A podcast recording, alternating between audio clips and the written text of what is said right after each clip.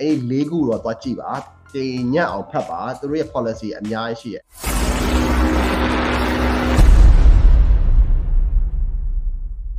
အဲ့ဒီမှာဟိုက as account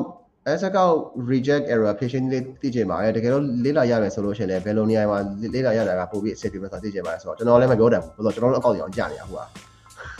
ဆိုတော့ဘယ်လိုလေးလာမလဲဆိုလို့ရှိရင်တော့ကျွန်တော်အခုဒီ Facebook ထဲမှာ media buying group တွေရှိရဟုတ်အဲ့တော့ media buying group group တွေထဲမှာပဲတွားပြီးတော့ အာတွားပြီးတော့ဖတ်တာတော့ပိုပြီးကောင်းမှလည်းတူတယ်ဘာလို့ဆိုတော့အဲ့ဒီဟာကျတော့ကျွန်တော်သိတဲ့လောက်ကအဲ့လိုမျိုး reject error တွေကိုဖြေရှင်းတဲ့နည်းလောက်မရှိတာအဲ့တော့ကျွန်တော်ဒီမှာရေးထားခဲ့တဲ့ Facebook community standard ရဲ့ Facebook ads policy ရဲ့ Facebook logo guideline ရဲ့ Facebook live policy ရဲ့အဲ့လေးခုတော့သွားကြည့်ပါတင်ညက်အောင်ဖတ်ပါသူတို့ရဲ့ policy အများကြီးရှိတယ်အဲ့ဒီ policy ရဲ့ကိုညှိနေရဆိုလို့ရှိရင်တော့သူတို့ဘက်ကနေ reject လုပ်ပါလိမ့်မယ်ဒါပေမဲ့အဲ့ဒါကိုမညှိအောင်ကိုယ်အနေနဲ့ဘာလုပ်လို့ရမလဲဆိုတာလေးကိုလည်း စဉ်းစားပြီးတော့မှအာလုပ်စေချင်ပါတယ်